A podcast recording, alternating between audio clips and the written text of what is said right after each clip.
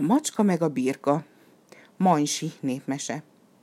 Élt egyszer egy öreg apó, meg egy öreg anyó. Volt egy macskájuk, meg egy bárányuk.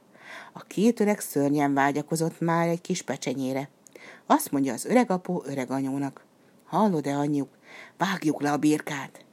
Meghallotta ezt a macska, tüstént elfutott a birkához, s figyelmeztette.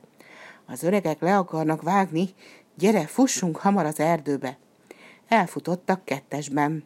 Rengeteg erdőbe értek, hatalmas fenyves közepébe. Gyere, másszunk fel egy fenyőre, töltsük a fán az éjszakát, mondja a macska a birkának. Te fel tudsz mászni egy-kettőre, de én mit tegyek, kérdi erre a birka.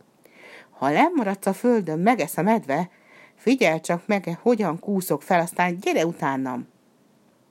A macska villámgyorsan felkúszott a fenyőre, a birka pedig nagy, ügyel bajjal kapaszkodott felfelé, de valahogy azért mégiscsak feljutott az ágak közé. Még el sem helyezkedett, mikor megjelent a fa alatt egy medve, és leheveredett a fa tövében. Egy-kettőre el is aludt. Mondja a macska a birkának. Vesd le magad, és béges! Nagyot béked erre a birkas már zuhan is lefelé, egyenest a medve nyakába. A medve csak fekszik, meg sem elmoccani ilyetében. Ekkora már a macska is lehuppant a fáról, és éles fogaival átharapta a medve nyakát. Vége lett a medvének. Ülj rá a medvére, és őrizd, én pedig elmegyek az öregekért.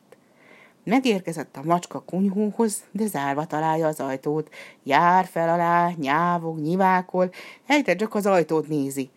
Hamarosan észre is veszi a két öreg, és beeresztik de a macska csak nyiválkos, indul az erdő felé.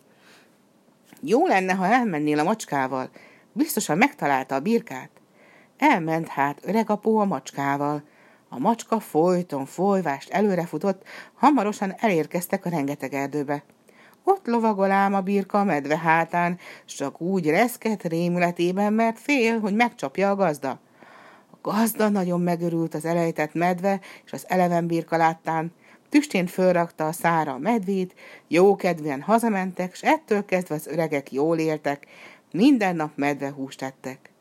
Azóta jó barátságban él a kis házikóban az apó, az anyu, a macska, meg a birka.